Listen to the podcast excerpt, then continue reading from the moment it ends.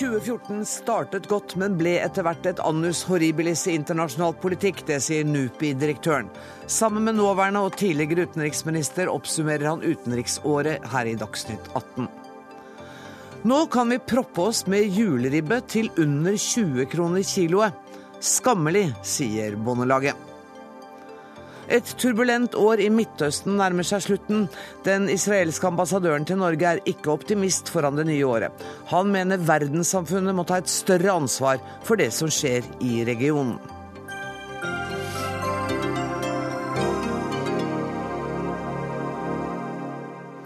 Og så er jula høysesong for filmer på TV. Har vi noe å glede oss til på den fronten de nærmeste dagene? Brita Møystad Engseth har svaret. Men først til de store politiske linjene. 2014 skulle bli året da vi feiret Berlinmurens fall og den liberale ordens seier. I stedet ble det året da Putins Russland-kart utvidet seg mot vest. Sør for Europa fikk vi et belte av ustabilitet som strekker seg fra Afghanistan til Vest-Sahara. Og i øst staker Kina ut sin egen mektige kurs på siden av de globale strukturene som vi er vant med. Ulf Sverdrup, du er direktør på Norsk utenrikspolitisk institutt. Og i Dagens Næringsliv i dag skriver du, og jeg ble deprimert, at verden har forandret seg til det verre i løpet av 2014. Hva er de viktigste endringene? Nå, snakk, nå tok du opp mange av de. Eh, jeg tror vi har sett mange kriser. Små kriser. Krim, Ukraina, ebola, ISIL. Mange ting som har skjedd i 2014. Men hvis du trekker disse tingene sammen, så er det ikke enkeltstående hendelser. Vi må leite etter et slags system, en struktur i det. Og det syns jeg peker i retning av at sør for Europa så har man i Midtøsten har man en, et statssystem som er i forandring. Det mm. kommer til å ta lang tid før det blir stabilisert. Og i Russland, Ukraina, så har man litt det samme. Det er på en måte en mye, mye mer enn bare en lokal krise i Ukraina. Det er et, det er et eh, vannskille på en måte i forhold mellom Vesten og Russland.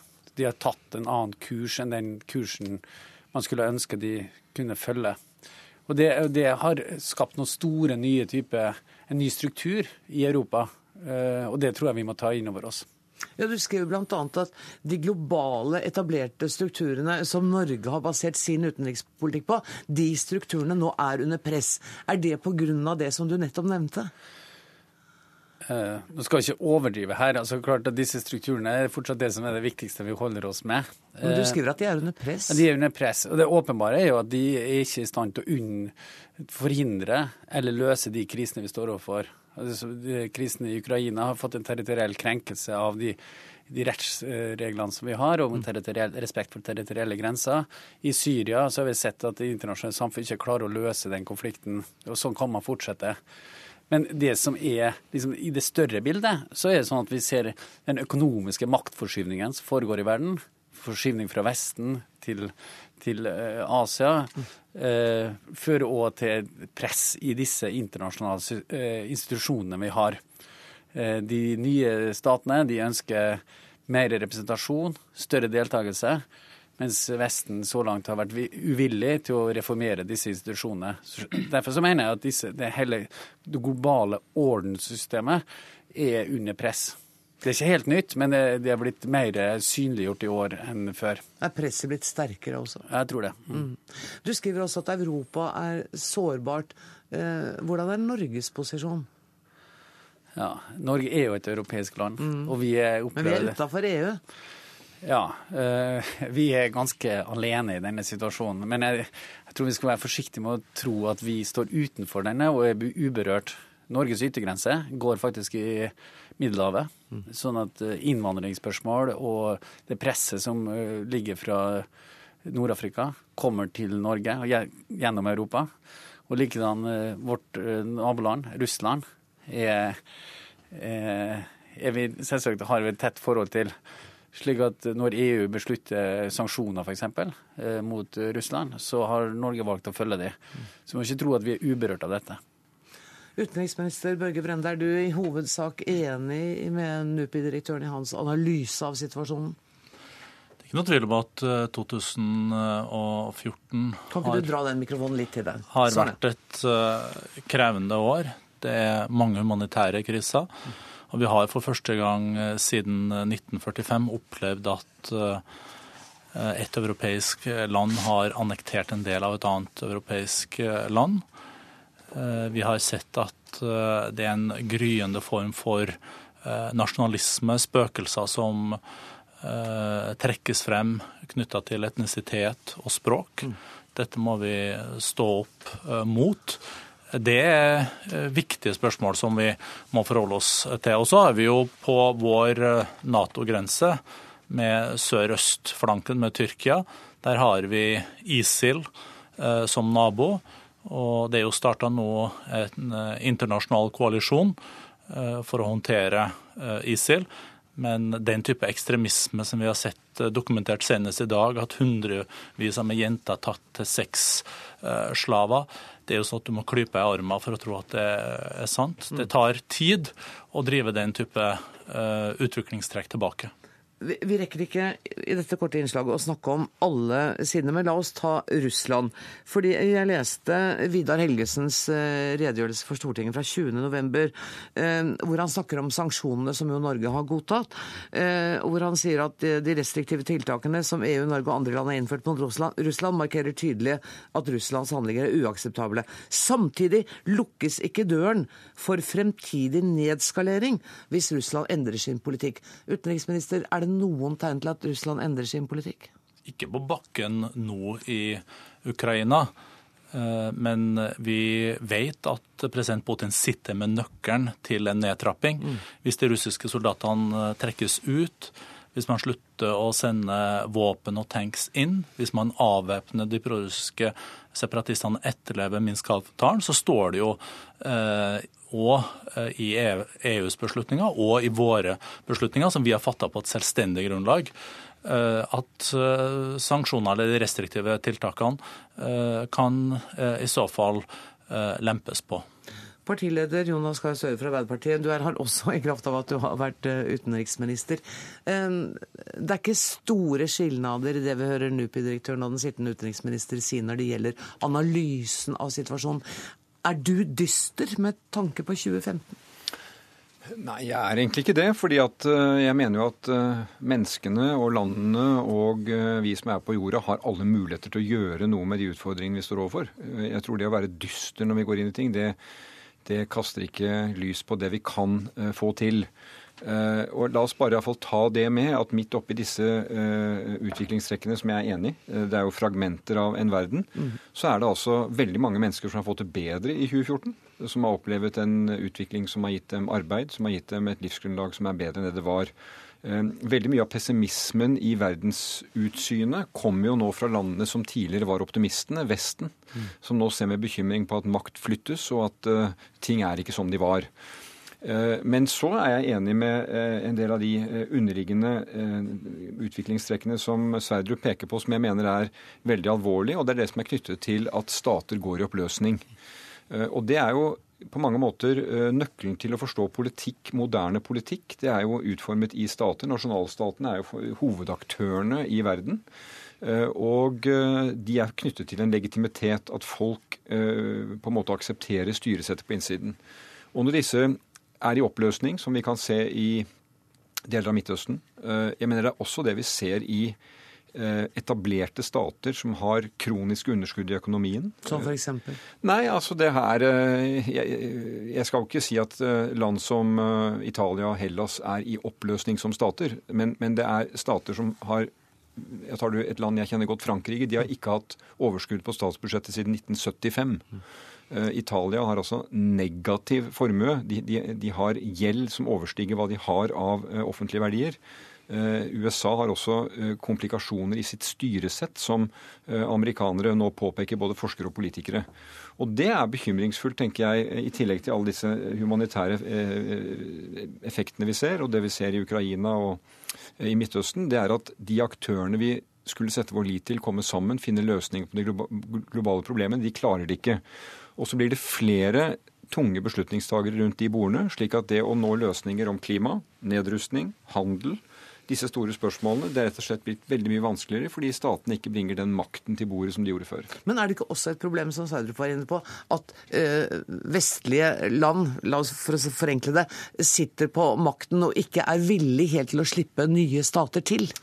Vel, det er en populær oppfatning som har vært helt siden 1945, hvor man kunne si at verdensorden ble laget etter annen verdenskrig. Eh, og nå er det kommet nye stater til. Skal man reformere Sikkerhetsrådet i FN, et, et evigvarende tema, så hadde vi G20 på slutten av forrige tiår da det var finanskrise, som jo man stilte litt håp til. Nå snakker man opp at man har BRICS-landene, mm. Brasil, Russland, Kina, India osv. Eh, eh, jeg tror ikke man får den type øyeblikk som man hadde etter 1945, hvor man laget helt nye institusjoner, helt nye eh, instrumenter for å styre verden.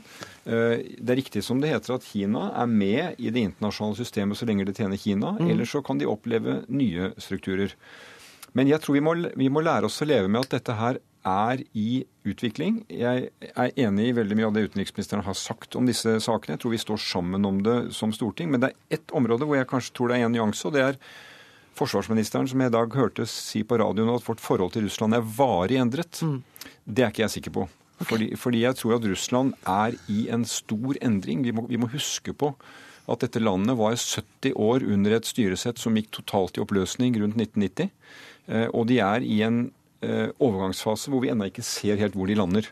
Eh, så jeg vil være varsom med å si at, eh, at, noe er varig når det gjelder Russland. Jeg tror det var Nordmann Våge, forfatteren, som sa at Russland er et annet sted. Mm. Og det blir vi egentlig minnet om jevnlig nå.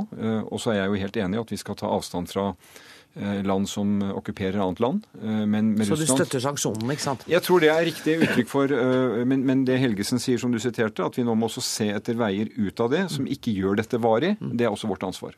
Uh, Brende, er det ikke riktig det at vi må samarbeide med Russland? Vi har masse samarbeidsområder. Vi har folk-til-folk-samarbeid, vi har redningssamarbeid, vi har masse felter.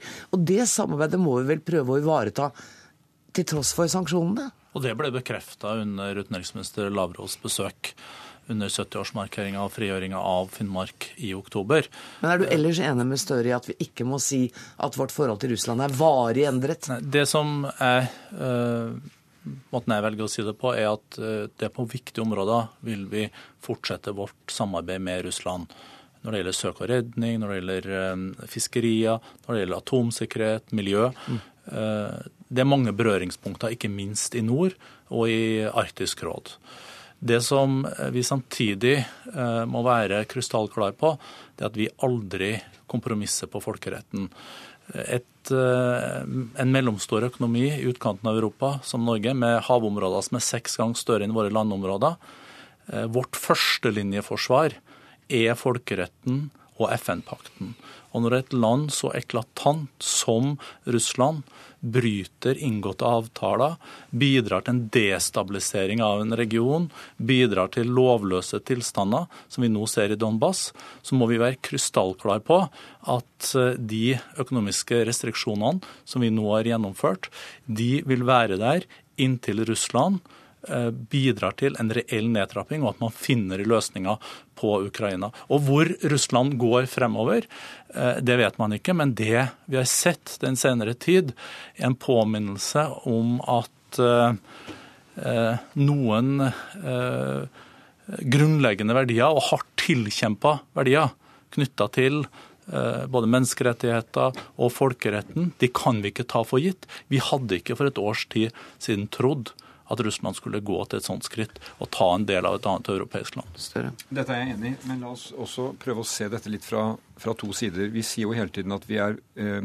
veldig påvirkelige av hverandre. Alt som skjer ute, påvirker oss. Da er det også slik at det som skjer hos oss, påvirker Russland, og begge veier. Det er en tendens til at Russland blir beskrevet som noe vi forventer noe av. De må leve etter de og de reglene, og det skal vi alle gjøre. Men vi påvirkes av hverandres atferd. Det som er interessant med Russland, er jo at det er få land i verden som har så mange naboer som Russland. Eh, og jeg oppsummerte min erfaring med dem at de har ikke én naboskapspolitikk, men de har ulike politikk med naboer. Eh, vi husker fra 2008 krig med Georgia. To år senere delelinjeavtale med Norge. Så i Arktisk så er faktisk Russland et land som har fulgt folkeretten. Eh, de har ratifisert havrettstraktaten som eh, vår allierte USA ikke har ratifisert. Så Russland er et mangfold. Og ofte så eh, strever vi med å ta det inn over oss. Det jeg tror er viktig nå, er at vi er, følger et en, en, en, gullregel fra norsk utenrikspolitikk, nemlig å være forutsigbare og langsiktige i forhold til vår nabo i nord. Vi står på folkeretten, som utenriksministeren sier. Vi står sammen med våre allierte. Men vi har også en erfaring for å søke veier med Russland, mm. som andre land kan uh, trekke på. Vi har et bilateralt samarbeid, grensesamarbeid, som ingen andre land har. Uh, og det kan faktisk være en kime til noe som kan uh, finne løsninger også, tror jeg. Kjære venner, tida løper fort i godt selskap. Jeg skulle ønske dere kunne vært her mye mer. Vi får resten av samtalen privat. Tusen takk for at dere kom, og god jul til dere alle tre, til Ulf Sveidrup, Børge Brende og Jonas Gahr Støre.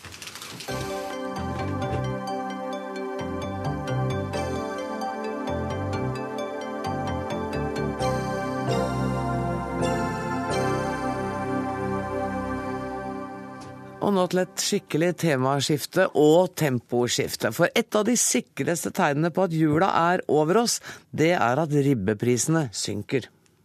For det som er ekstra hyggelig med jula, er ekstra god mat og drikke. Sånn som ekstra mye kald ribbe i kjøleskapet. For det er viktig å ha nok av det som gjør alle ekstra fornøyd. Dagligvarebutikkene selger nå altså ribbe til under 20 kroner kiloet, langt under det det koster å produsere den. Juleribbe selges med tap og brukes som lokkemat for å få oss forbrukere til å handle andre varer. Lars Petter Bartnes, du er leder av Bondelaget, og du har eh, motforestillinger mot denne lave ribbeprisen? Ja, eh, jeg beklager jo veldig at eh, tradisjonsmat, festmat, eh, har kommet i en situasjon der at eh, det omsettes eh, i en priskrig mellom dagligvarekjedene, og det omsettes seg til under produksjonskost. Det gjør noe med måltidsopplevelse. Lars, Lars Petter Barthes, vet du hva? Vi har veldig dårlig kontakt med deg. Jeg snakker litt med et par av de andre gjestene, og så prøver vi å komme tilbake til eh, deg. Og da snakker jeg først med deg, Siri Helle. Du er enig med Bartnes på mange nivåer, men du er mest opptatt av forbrukerne, for du er journalist i Dag og Tid og forfatter. Mm, stemmer det.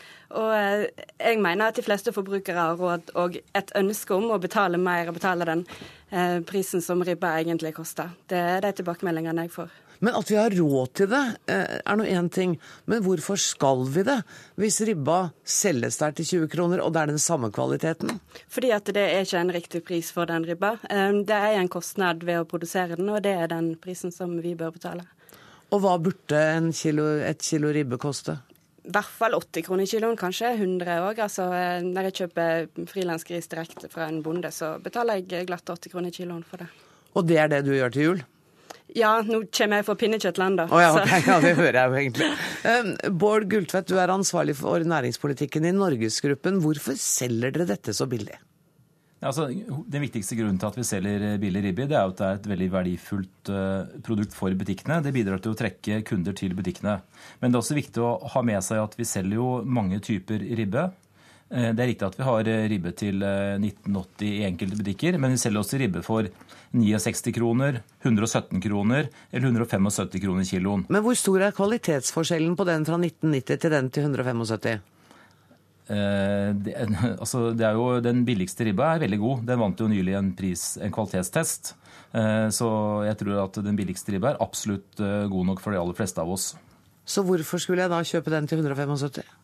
Kanskje fordi at den har en litt annen historie. Den har kanskje spist litt annen mat eller gått ute mer enn de andre grisene. Det kan være mange ulike årsaker til at folk vil kjøpe den, den ribba. Kanskje vi skal høre med Lars Petter Bartnes, for nå tror jeg vi har bedre kontakt med ham. Du er også leder av Bondelaget. Beklager, men det var rett og slett vanskelig å høre deg. Um, vi, vi, snakker her om ribbeprisen, og nå forteller da Bård Gulltvedt i Norgesgruppen at de selger ribbe fra 20 kroner kiloet til 175 kroner kiloet. Er det noen kvalitetsforskjell, så vidt du vet, på de to ribbetypene? Ja, Det er nok eh, et mangfold i ribbemarkedet også. Men eh, det, det som er utfordringa, er jo at det store volumet som omsettes av ribbe, det blir da på den billigste ribba. Eh, og jeg mener jo at det å omsette ribbe til en så låg pris, sett i forhold til andre måltidsopplevelser, gjør noe med, med verdien av ribbe. Og jeg er jo redd for at ribbe som festmåltid på sett og vis eh, er i ferd med å bli utfordra som en sentral posisjon i julemiddag. Mm. Eh, Det som er det viktige svaret for oss å komme ut av den situasjonen, det er jo, som Gulltvedt peker på, det er også å lage fokus på kvalitetsmat, produktutvikling og gi nye verdier inn i det her ribbemarkedet. Men hvordan skal dere få til det så lenge eh, Norgesgruppen og andre selger så billig mat? Ja, og der er jo sånn at uh, disse kjedene er på mange måter setter seg sjøl i en skvis der at man konkurrerer på i altfor stor grad på billig, billig. Og uh, jeg mener at det burde ha vært kjørt mye og mer offensivt på, og utfordra på, på kvalitet og, og ja, differensiering i markedet, rett og slett. Men jeg må bare få si det at eh, vi kjøper all den eh, ferske ribba vi går an som det er mulig å få tak i fra norsk landbruk. Og vi er utsolgt for veldig mye av den ferske såkalte kvalitetsribben. Altså den som er vesentlig mye dyrere enn 1980. Eh, Vi greier ikke å få tak i mer. Vi skulle gjerne kjøpt mer, men det er helt umulig å få tak i.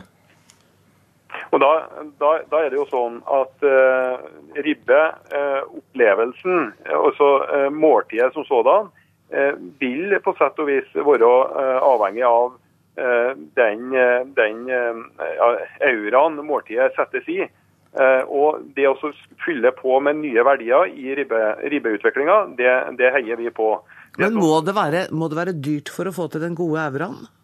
Ja, jeg lurer litt på om at man må vente seg til å betale i hvert fall produksjonskostnadene for å få de gode produktene.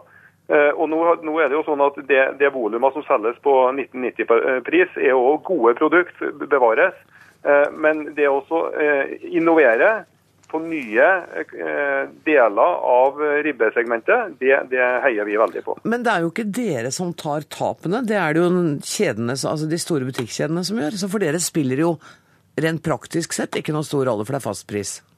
Ja, altså Svineprodusenten eh, leverer jo eh, hele grisen eh, til slakt, og den skjæres ned. Og ribba er en del av den totale verdien som tas ut. Når man priser ned stykningsdeler på den måten man gjør her på ribbe, så fører jo det automatisk til at det blir en råvare, et råvareprispress til, mot produsent, fordi at kjedene selger produktene, altså ribbeproduktene med tap. Og det avleires som et ytterligere råvareprispress mot mine medlemmer som produserer svin. Så Sånn sett så er dette en negativ utvikling også for prisutvikling eh, i svinemarkedet til, til bøndene. Bård Gultvedt, um, Norgesgruppen, hva selger dere mest av, den dyre eller den billige ribba? Eh, Vi selger mest av en ribbe som ligger eh, litt over den eh, rimeligste. En som koster ca. 29,80 er det vel. Den går det mest av. Men jeg syns det er et poeng som man eh, ser litt eh, lett bort fra her. og det er at Hvis vi skulle solgt ribba til 100 kroner kiloen eller 80 kroner kiloen eh, Senterpartilederen vil foreslå en snittpris på 100 kroner kiloen. Da lurer jeg på hvor mye ville volumet da gått ned? Og hvor mange grisebønder ville da forsvunnet? Altså, det, er, det er en viss sammenheng også med, med pris og salgsvolum. Uh, og jeg tror vi også skal ha en viss respekt for de som synes at pris er et element. La Bortnes få svare på det, så skal vi la Helle få ordet etterpå. Ja, Det har jeg lyst til å kommentere litt. fordi at uh, Når man priser ribba så vidt langt ned som man har gjort uh, nå i senere åra, så har jo behovet for å importere ribbe, altså isolert sett ribbe til det norske markedet, betydelig økning i forhold til det behovet. Det er sånn at uh, den kvalitetsproduksjonen på svin som er i Norge, tidligere tider, før man starta denne priskrigen, klarte man å dekke opp i stor grad det ribbebehovet som var på den norske grisen. Og, eh, Og Gultvedt ja. sa jo nettopp sjøl at man eh, selger all den ribba man kan legge hendene sine på, og til og med importerer man, i hvert fall i den butikken jeg handler, var det dansk ribbe. Men eh, Siri Helle, eh, hva, var- hva er ditt argument? Hva tenker du, en gjennomsnittspris på 100 kroner?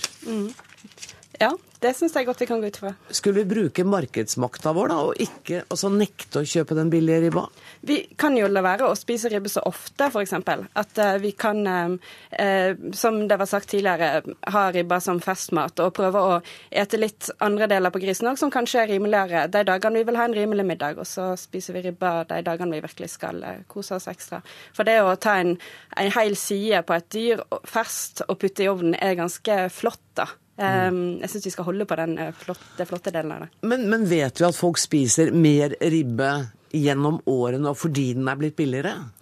Om vi vet at det er akkurat fordi at den er blitt billigere, det skal jeg vel ikke si. Men det at eh, altså, produksjonen i Norge er jo den samme, og importen er økt, så det vil vi jo si at vi eter mer. Og det at folk eh, sier at nå kan jeg lage mer pølse fordi at nå er ribba så billig, eller de fôrer hundene sine med ribbe, det, sier jo noe om hvordan vi ser på det. Og det her handler jo ikke bare om ribbe heller. Det er jo eh, et generelt problem for forbrukere på mange områder at eh, det ikke er samsvar mellom pris og kvalitet eh, og pris til produsent i butikken. Det gjør det vanskelig å argumentere for å eh, handle norsk mat og handle kvalitet når, når vi ikke vet hvor de pengene forsvinner. Ja, og, det, og jeg syns også det er litt problematisk å oppfordre til å kjøpe det dyreste hvis kvaliteten er like bra på den til 29,90, da, la oss si det. Ja, nå tror jeg kanskje at Jeg syns òg at vi skal tenke pris litt mer enn akkurat smak. Det handler om dyrevelferd, og det handler om bærekraft og en produksjon som bruker de ressursene vi har i Norge, og ikke det som er billigst og lettest tilgjengelig i andre deler av verden. Jeg håper vi har opplyst folket litt om dette nå, at folk tenker seg om på hva de spiser. Tusen takk skal dere ha, Bård Gulltvedt, Siri Helle og Lars Petter Bartnes.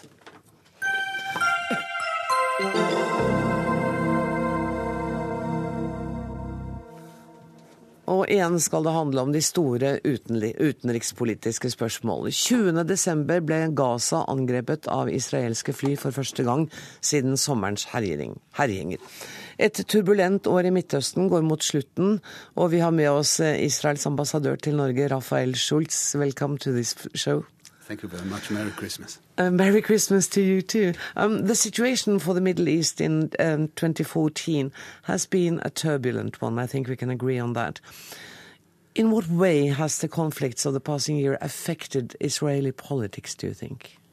Well, I believe that Israelis uh, see what is going on around them. I mean, uh, I would say it's almost a miracle that we maintain a rather um, quiet and stable system while uh, around us uh, is going on what we see. I mean, uh, ISIL, Syria, Iraq, uh, Hamas, Hezbollah, Iran with their uh, nuclear race. So basically, uh, for the Israeli, it's very important. It's not for granted that we live with relative security as we did this passing year, mm. and this is our main concern. Mm. Han sier at det er nesten et mirakel at man omgitt av eh, Hamas, Hizbollah, ISIS eh, og muslimske majoriteter, at de lever i en såpass relativ trygghet som eh, de gjør. Um, you mentioned the Muslims. Do the Muslims represent a specific challenge to Israel as you see it? Well, I would say that uh, radical uh, Islam presents a challenge not uh, only to Israel, but also to basically humanity at all, mm. and also to most of the Muslims. Mm. I mean, if you examine who are the biggest victims of uh, radical Islam, it's uh, Muslim people. If mm. we are speaking about the 200,000 that have been uh, massacred in last years in Syria and Iraq. But the problem is that radical Islam doesn't toler- tolerate anybody who is not exactly like him. I mean, not Jews, not uh, Baha'i, not Christians. Look uh, what happened to Christians in the in the Gaza mm. Strip. Mm. I mean, they have practically disappeared because of the way Hamas treats them. Mm. And now you brought up the Gaza Strip. One of the things that may confuse Norwegians a little bit is that sometimes uh, a rocket attack. Um, explodes into a war between Israel and Palestinian. And now we've had more rocket attacks and nothing happens. There's not an another war going on. Can you explain to us why is it that sometimes uh, aggression that you would call aggression from the Palestinian side um, develops into a war and sometimes it doesn't? Well, I would say that every launching of a rocket against uh, civilians uh, is, of course, a breach from international law and yeah. deserves uh, the protection or, or, the response from the attacked side. But uh, the reality of the life of Israelis uh, in in the Gaza envelope area in the last uh, decade has, has been terrible. I mean, we are not speaking about one rocket; we are speaking about thousands of rockets, which brought about I would say, three uh, fighting grounds in the last five years. So it's not a matter of one rocket, it's a matter of uh, many, many thousands of rockets. Does Israel consider itself a victim in that conflict? Well, uh, I don't like, uh, as a principle, that we will position ourselves as a victim, but uh, we would like very much uh, to see our neighbors in the Gaza Strip and uh, in the Palestinian uh, territory in general to live uh, quietly and prosperous uh, on our side. Nevertheless, uh, if there is a, a, fraction that is more committed to destruction and to terrorism and is part of this overall picture in, in the Middle East, as I said, in, in the radical Islam, Hamas is part of that, then of course uh, we have to take the necessary measures in order to protect ourselves. Jeg spurte om eh, Israel så seg selv som et offer i denne konflikten. Han sier at han vil ikke bruke det uttrykket, men han sier at Israel eh, må ha rett og plikt til å forsvare seg selv og sine egne mm, innbyggere. You do realize that there has been quite strong criticism in Norway of the, the Israeli politics towards Gaza and towards uh, the Palestinian um, cities. What is your reaction to that? Well, uh, we Israelis uh, are here, uh, myself, my colleagues, in order to uh, um, give a better understanding uh, of, uh, of our perspective. again, for us, it's not an issue of uh, Israel and, and Gaza. Gaza is, uh, is important and interesting in the sense that, in a way, it represents the Middle East today. Mm. But and as again, a symbol, isn't it, of people suffering? Isn't it important? I, I, I would say that rather as a symbol of, of uh, Islamic extremism, rather than any other uh, issue, because I believe that um, although people in Gaza the situation is not easy, mm. but it is by far better than in other parts of the Middle East. So I would say that a comprehensive approach, a wider perspective by the international community and also by the media is vital in order to get a better understanding what the Middle East right now is all about. It's mm. not about Israel and Gaza. It's by far wider. The context is very important. Han sier altså at eh, hovedkonflikten er ikke nå mellom Israel og Gaza, men at det er mye større.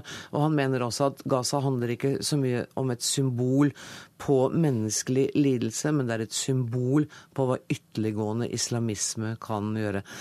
I do wish you'd speak Norwegian because then you could understand my translation because I, it makes me unsure whether it's correct or not. Hopefully it is. Well, uh, first, I'm sorry that in my three months in Norway, uh, no, no, I, it's okay. Uh, but also, I trust. Uh, I mean, in my three months here, I, have I've not met a Norwegian who does not speak English. So basically, I hope I'm coming through. Um, the international community understands Israel needs to protect itself. Still, there has been not only, only in Norway, but all over the world reactions. Does this make Israel feel isolated? Politically, I mean. At times, it's a it's a fact that uh, we have uh, a, a, few supporters, and uh, there are more countries that are critical than supportive. But mm. you know, uh, being in a, in a minority doesn't mean that uh, you are at the wrong side. Sometimes it's politics. Sometimes it's interests. I there is one point that is very important for me to uh, point out to the Norwegian uh, public, which is that uh, we are doing everything that we can in order to abstain uh, from uh, hurting innocent people. Mm. I mean, this is tragic and it happens in war, in every war. Mm. But we are really uh, taking extreme measures in order to avoid that. So at the end of the day, yes, some criticism might exist, but we are in a very unique neighborhood and in a very unique situation. Han sier at det er ett poeng han har lyst til å gjøre klart for det norske folk, og det er at gjør, Israel gjør hva de kan for å unngå å skade uskyldige mennesker. Han sier dette skjer i alle kriger, men vi er opptatt av det. Og om det kommer kritikk, så uh, er det ikke helt sikkert at uh, Israel er den som har feil likevel. Raphael Scholz, ambassador, thank you so much for coming, and uh, happy Christmas to you. It was my pleasure. God jul. God jul.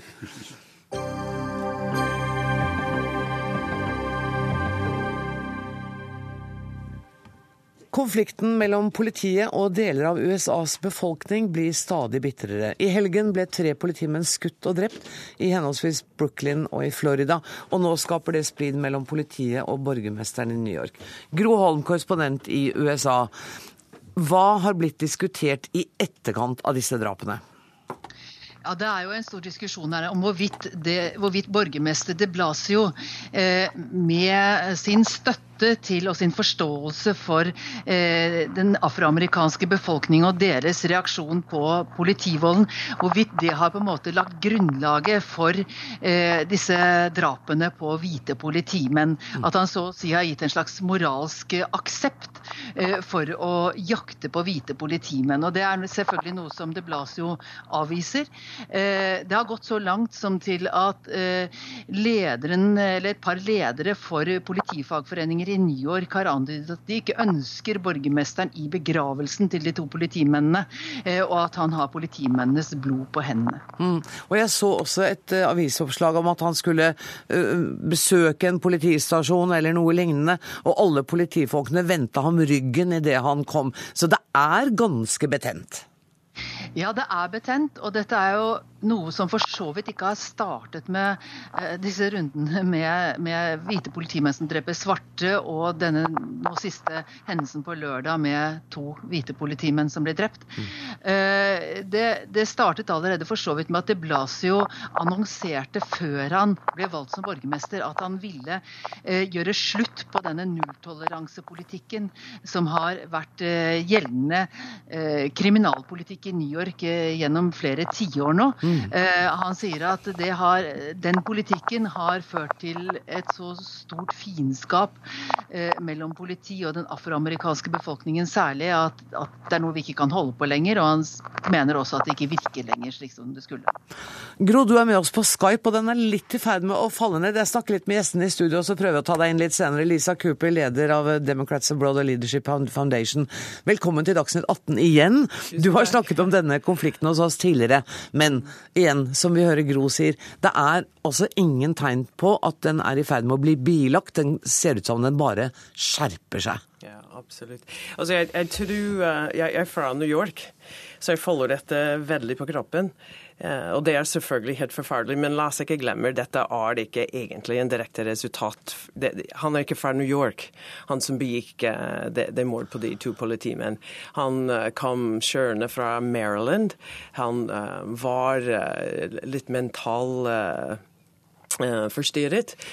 Men uansett så, så er det nå tegn for at nå må det skje noe. Nå må det bli en politireform. Eh, borgermester Blasio har noen utfordring, men jeg tror i USA det de snakker mest om, er at eh, hvordan han har gått ut og sagt at uh, han er selv redd for sin egen sønn, mm, som har, han har gift med en, en som har svarte amerikaner, og at det har liksom ført til den utrolig spenning mellom politi og, og borgermesters kontor. Men den spenning mellom borger, borgermesters kontor og politi er alltid der. Ja, for det kan ikke være, jeg tenkte at Én replikk kan ikke være nok til å utløse en sånn aggresjon fra politiets side. Absolutt. Altså, jeg også reagerer hvor uprofesjonelt politiet er. Ja, selvfølgelig en full forståelse for at det er en helt forferdelig ting når politi ja, blir drept. Um, å være en politimann i USA, og særlig i New York, er uh, ikke bare bare. Uh, men det å snu ryggen til og begynner å snakke med en så bestandt uh, skarpe holdninger, det skaper Ja, det skaper ikke fred. Jan Arild Snåen, journalist og kommentator i Minerva. Hvis vi, hvis vi, ser litt utover New York, går det an å si noe om forholdet mellom politi og befolkning? Jeg holdt på å si i USA, men, men la oss da i dette området, da? Ja, det kan det gjøre. Det kan du gjøre i USA generelt også. Eh, vi vet jo det er ganske mange målinger på dette som viser at eh, det er et veldig stort skille mellom svarte og hvite i den, hvilken grad de har tillit til politiet. Eh, så for, for, å forenkle det, så har de hvite stor tillit, og de, hvite, og de, svarte har veldig liten tillit til politiet. Fordi de oppfatter det sånn at de blir diskriminert, og at de blir eh, utsatt da for, for metoder som ikke er eh, riktige. Er det grunnlag for denne mistilliten? Ja og nei. Altså, jeg mener, jeg har sett litt på forskningen på dette, at det er det fins en viss tendens på noen områder til at svarte diskrimineres, men hovedårsaken til at svarte sitter i fengsel og er i konfrontasjon med politiet, er hovedårsaken er at de har mye høyere kriminalitetsrate. Det, er, det, er, det forklarer det meste, men ikke alt. Men så må man kanskje spørre hvorfor har de en høyere kriminalitetsrate? Ja, og det er da et, et veldig stort spørsmål. Eh, men, men, i hvert fall Det er grunnen til at politiet også stopper dem oftere, f.eks. i New York. De er rett og slett mer kriminelle av forskjellige grunner.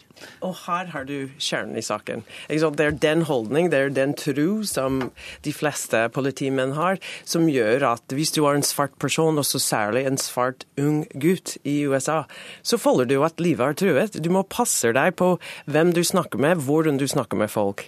Eh, men akkurat den holdning og, og sånne utsagn er det som egentlig Hva bygger mente du hvilken holdning? At, at, det er en høyere kriminalitetsrase blant ja. svarte amerikanere? Og det er hvorfor eh, politi stopper oftere folk med, med en svart amerikansk bakgrunn. Det er en holdning, det er et faktum. Ja. Så, så, Det er et faktum som gjør at da, Og så kan det da være, fordi dette er et faktum, at også eh, politimenn overdriver faren eh, ved det. At du får enda sterkere stereotypier enn det er grunnlag for. Mm. Men vi kommer ikke unna at dette har en viss, det har en betydelig faktisk basis. Mm. Eh, og så, så er en, men, men, som da kanskje likevel overdrives at det er altså, at det forklarer ikke alt, men noe. Eh, eller ganske mye. Men nå har vi med oss Gro Holm igjen på en litt bedre linje. Eh, Gro, du snakket så vidt i stad om denne eh, New York som er kjent for denne nulltoleransen mot kriminalitet, og at borgermester Blasey har sagt at nå må vi få en ny holdning. Si litt mer om det. Ja, altså, Jeg snakker bl.a. med advokater som jobber med svarte befolkningen i, eh, i, Queens, i denne bydelen som stort sett er befolket av svarte og latinoer. Og De sier at det er, det er ikke slik at vi lenger kan si at nedgangen i kriminalitet forklares ved denne nulltoleransepolitikken. Eh, det finnes nedgang i kriminalitet i de fleste eh, amerikanske storbyer, mm. også de som ikke har praktisert nulltoleranse. Eh, og eh, de negative konsekvensene av denne politikken mener de er så store bl.a. når det gjelder å ødelegge et allerede ganske slitt tillitsforhold mellom den svarte befolkningen og politiet, at, at, man bør forlate denne politikken. Det er holdningen til også de advokatene som jobber i det området, i de områdene. Eh, men eh, så spørs det da igjen hva man skal erstatte denne politikken med. og Eh, nå, nå, skal, nå, skal, det innføres kroppskameraer som, skal, som politi, patruljerende politi skal bruke, og som skal da kunne dokumentere eventuell politivold eh, i eh, utsatte strøk. Eh, men det er klart, det er ikke slik at alle politimenn kan gå med kroppskameraer, og vi vet jo enda ikke eh, i hvilken grad det kommer til å ha en positiv effekt. Lisa Cooper, man skulle jo tro at hovedfokus nå ville være på å bedre forholdet mellom hvite og svarte deler av befolkningen. Eh, har du noen, hvordan kunne man gjøre det? Hvordan kan man få det til? Det, det var litt morsomt pga. vi snakket uh, litt på sofaen. Uh, at jeg er fra Queens, New York. Og jeg kan huske når jeg var liten, så kunne jeg sitte på fanget til den lokale politimannen. Mm. Han var en del av samfunnet. Han var en del av miljøet. Og det er sånn jeg tror politiet må begynne å se sin rolle. Eh, selvfølgelig så må det en reform til om hvordan de utøver sin makt, av de har en usedvanlig stor makt ut på gatene. Men ble litt mer inkludert. Mm. Jeg kjenner en eh, faktisk eh, i Oslo som heter Tommy Brustad, eh, som er fra Grønland. Jeg tror han er faktisk pensjonert nå. Han hadde en særskilt ansvar overfor somalierne. Han gikk til dialogmøter, han ble kjent med alle de miljøene. Da har du en velfungerende samfunn, en velfungerende nærmiljø, og en politi som gitt den respekt. Eh, og forhåpentligvis ikke, ikke bli en sånn situasjon som vi har akkurat nå. Men Jan Elson, dette er jo ikke noe som skjer over natta, at man bedrer den situasjonen som er nå? Nei, dette er et langt men jeg er enig i at, at mye av dette må foregå på lokalplan og ute, og det må skapes eh, tillit. Så tror jeg også at det vil hjelpe etter hvert at kriminaliteten har falt betydelig i USA. Den falt enda mer i, i New York, mm. så er det da et, et, et, mye krangel om det skyldes denne politikken i New York eller ikke.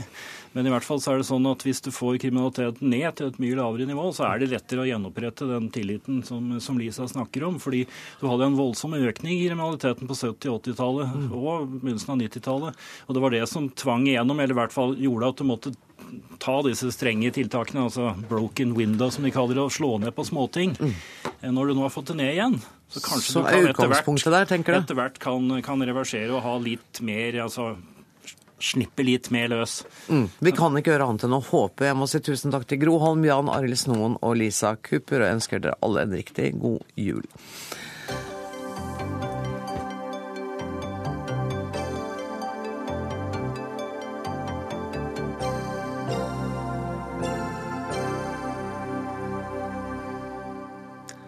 I går gikk en musikklegende bort.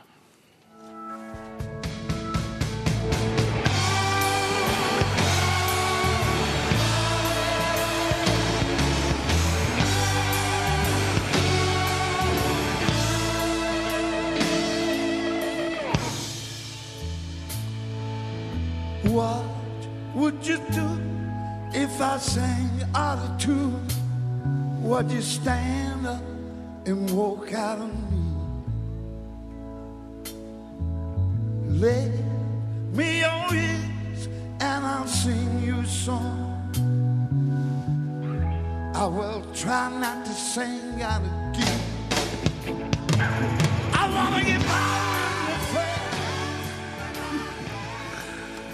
Det har blitt sagt om Joe Cocker at han var den eneste som sang Beatles bedre enn Beatles. Dette her vi hører nå er fra et konsertopptak sommeren 2002 fra Queens Golden Jubilee. Og Beatles-låta 'With a Little Help From My Friend', som de fleste av oss kjenner. Og I går døde altså Joe Cocker, 70 år gammel, av lungekreft. Arild Rønsen, du er redaktør for musikkbladet Puls. Hvordan ble glassmontøren fra Sheffield en musikklegende, som vi nå må kalle den? Hva, hva, fortell om den reisa der. Det er jo helt mystisk, fordi at det eneste som har greid å bli musikklegende av å synge coverlåter, det er Joe Cocker. Han har aldri skrevet noe sjøl? Nei, også, og denne sangen var jo sånn altså Paul McCartney og John Lennon pleide å skrive en sånn tullesang som Ringo Starr skulle synge på, på platene. Og det var With Little Help From My Friends på Sgt. Pepper. Og så tok Joe Cocker den sangen og gjorde den til noe helt annet. Jeg intervjua han en gang, og jeg spurte han da hvor han fant du på dette arrangementet. For det er jo altså det er en helt annen låt. Helt annen låt. Helt annen Helt fantastisk. Og da sa han, sa han eh, Mister, sa han, vil du virkelig vite det? Ja, jeg vil virkelig vite det, Så. Da sa han, jeg satt på dass, og så dro jeg ned. Blablabla. Og da fikk jeg det arrangementet. Og det var jo Altså, Beatles var ikke til stede på Woodstock. Nei. Det var Men kanskje det var det eneste store bandet som ikke var der. Men de var der allikevel. I forbindelse med, øh, med i, ja, Joe Cocker var der istedenfor dem, for Ja, å si det sånn, på Woodstock i 69. Ja, og det ble på en måte hans kjempestore gjennomslag. Fra da av så var han ganske svær. Ja, og han hadde flere. Altså Up Where We Belong. Og han hadde Jo, men Woodstock var, hjalp Ja, godt til. for all del. Det, var- det var et store gjennombrudd hans, og da var han jo 25 år gammel. Ja. Men eh, han hadde jo flere etter det. Men han er jo litt sånn mystisk person i pophistoria, fordi at han bare sang stort, altså Han sang bare sanger som andre hadde skrevet. Og på den tida så var det så Paul McCartney, John Lennon, Keith Richards, Mick Jagger og Bob Dylan. De skrev sine egne sanger. Men Joe Cocker gjorde ikke det. Og det er helt Han- utrolig, for han utga 40 album med, for, med sanger som bare alle andre har Han var så god til å formidle. Ja. Han greide å være sånn som Frank Sinatra var i den forrige generasjonen.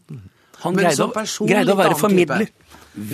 Litt, annen type enn Frank altså, sist, gang, sist gang jeg traff eh, jeg, jeg, altså, jeg traff Joe Cocker opptil flere ganger, Mm. men sist gang jeg traff han Jeg tror ikke han visste hvem han traff på på Gardermoen. Men du kjente en han? Jeg kjente en han, men han så ut som en sånn hvilken som helst kontorist. Ikke, sant? ikke noe feil med kontorister, men han så ut som en hvilken som helst mann.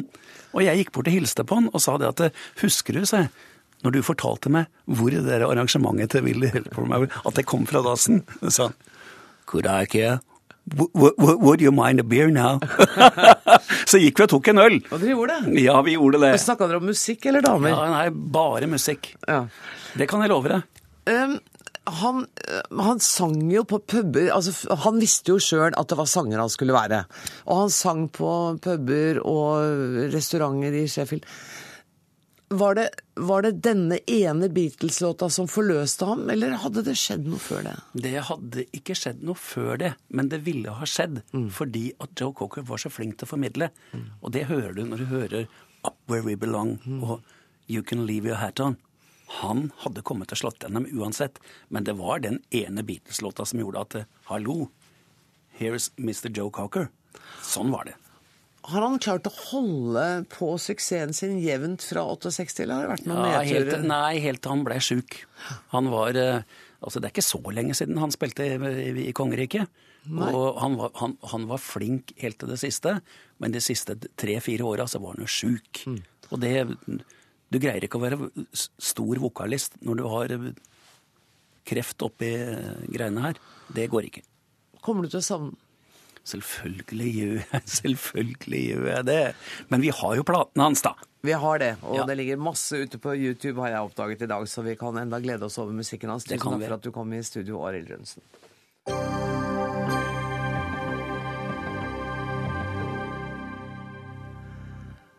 Det skal handle om film nå. Om julefilm, faktisk. Hvis bare Brita Møystad Engseth kunne tenke seg å komme seg inn i studio. Takk for at du kom. Var det noe mer fristende der ute? Har sjokolade. Oh, ja, ok. Um, jeg skulle bare si at det skal handle om julefilm. Ja. Um, og her skal vi gjøre et lite kutt.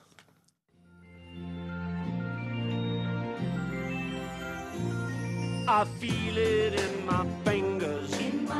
I feel it in my toes.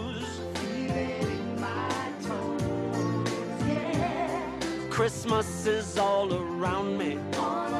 And so the feeling grows. It's written in the wind. So where I Ja, Hvis du ikke kommer i julestemning av dette, så tilhører du ikke gruppa av ihuga Love Actually-fans, i hvert fall. Det gjør kanskje ikke du heller, Brita? Eh, nei, det er ikke denne som får meg julestemning. Eh, men jeg forstår jo, altså det er jo blitt en tradisjon. Dette er jo, La Actually er jo filmen man samles om nå hvert år, og enten er rasende på eh, eller elsker. Har du Eh, sett maken til engasjement? Altså på Twitter og Til og med Unge Høyres leder setter seg ned og skriver en lang, rasende analyse av den. Ja, Hva er det for noe? Hva er det med denne filmen som gjør noen så lykkelige og noen så fly forbanna? Ehm, jeg tror det er utilslørt sentimentalitet. Ja. Eh, Noen og- av oss liker jo det. Ja, jo, det er jo helt, og det er helt hyggelig, men at den er, den er skamløs bare. Og så selvfølgelig at det, den er stappfull av, kjendiser og sånn. Mm. Og, så, og så er det de som fremdeles jo syns at eh, Hugh Grant er en fin fyr, da. Men det er jo ikke noen som skriker 90-tallet mer enn en Hugh Grant. Nei, Det har du rett i. Men du, du, dette er ikke din favorittfilm, men du har Nei. sett den, selvfølgelig? Ja, ja, ja, ja, selvfølgelig. Men hva er din favorittfilm i jula? I, sånn i alminnelighet? Nei, i jula. Og nå i julen? Ja. Vel, det er, OK, det er mye, men bare, er, vi vet at vi kommer til å bli samlet om én ting på fredag. Klokken 20 minutter over ni på NRK1. Jeg er helt blank. Ja, men du kommer til å være en av dem. Og det er selvfølgelig julespesialen til Downton Å ja, Abbey. selvfølgelig. Altså, det er det, det er det eneste. Alt annet er sekundært. Jeg tror folk kommer til å slepe svigermor ut og binde henne fast et eller annet sted hvis hun, hvis hun sier nei til det.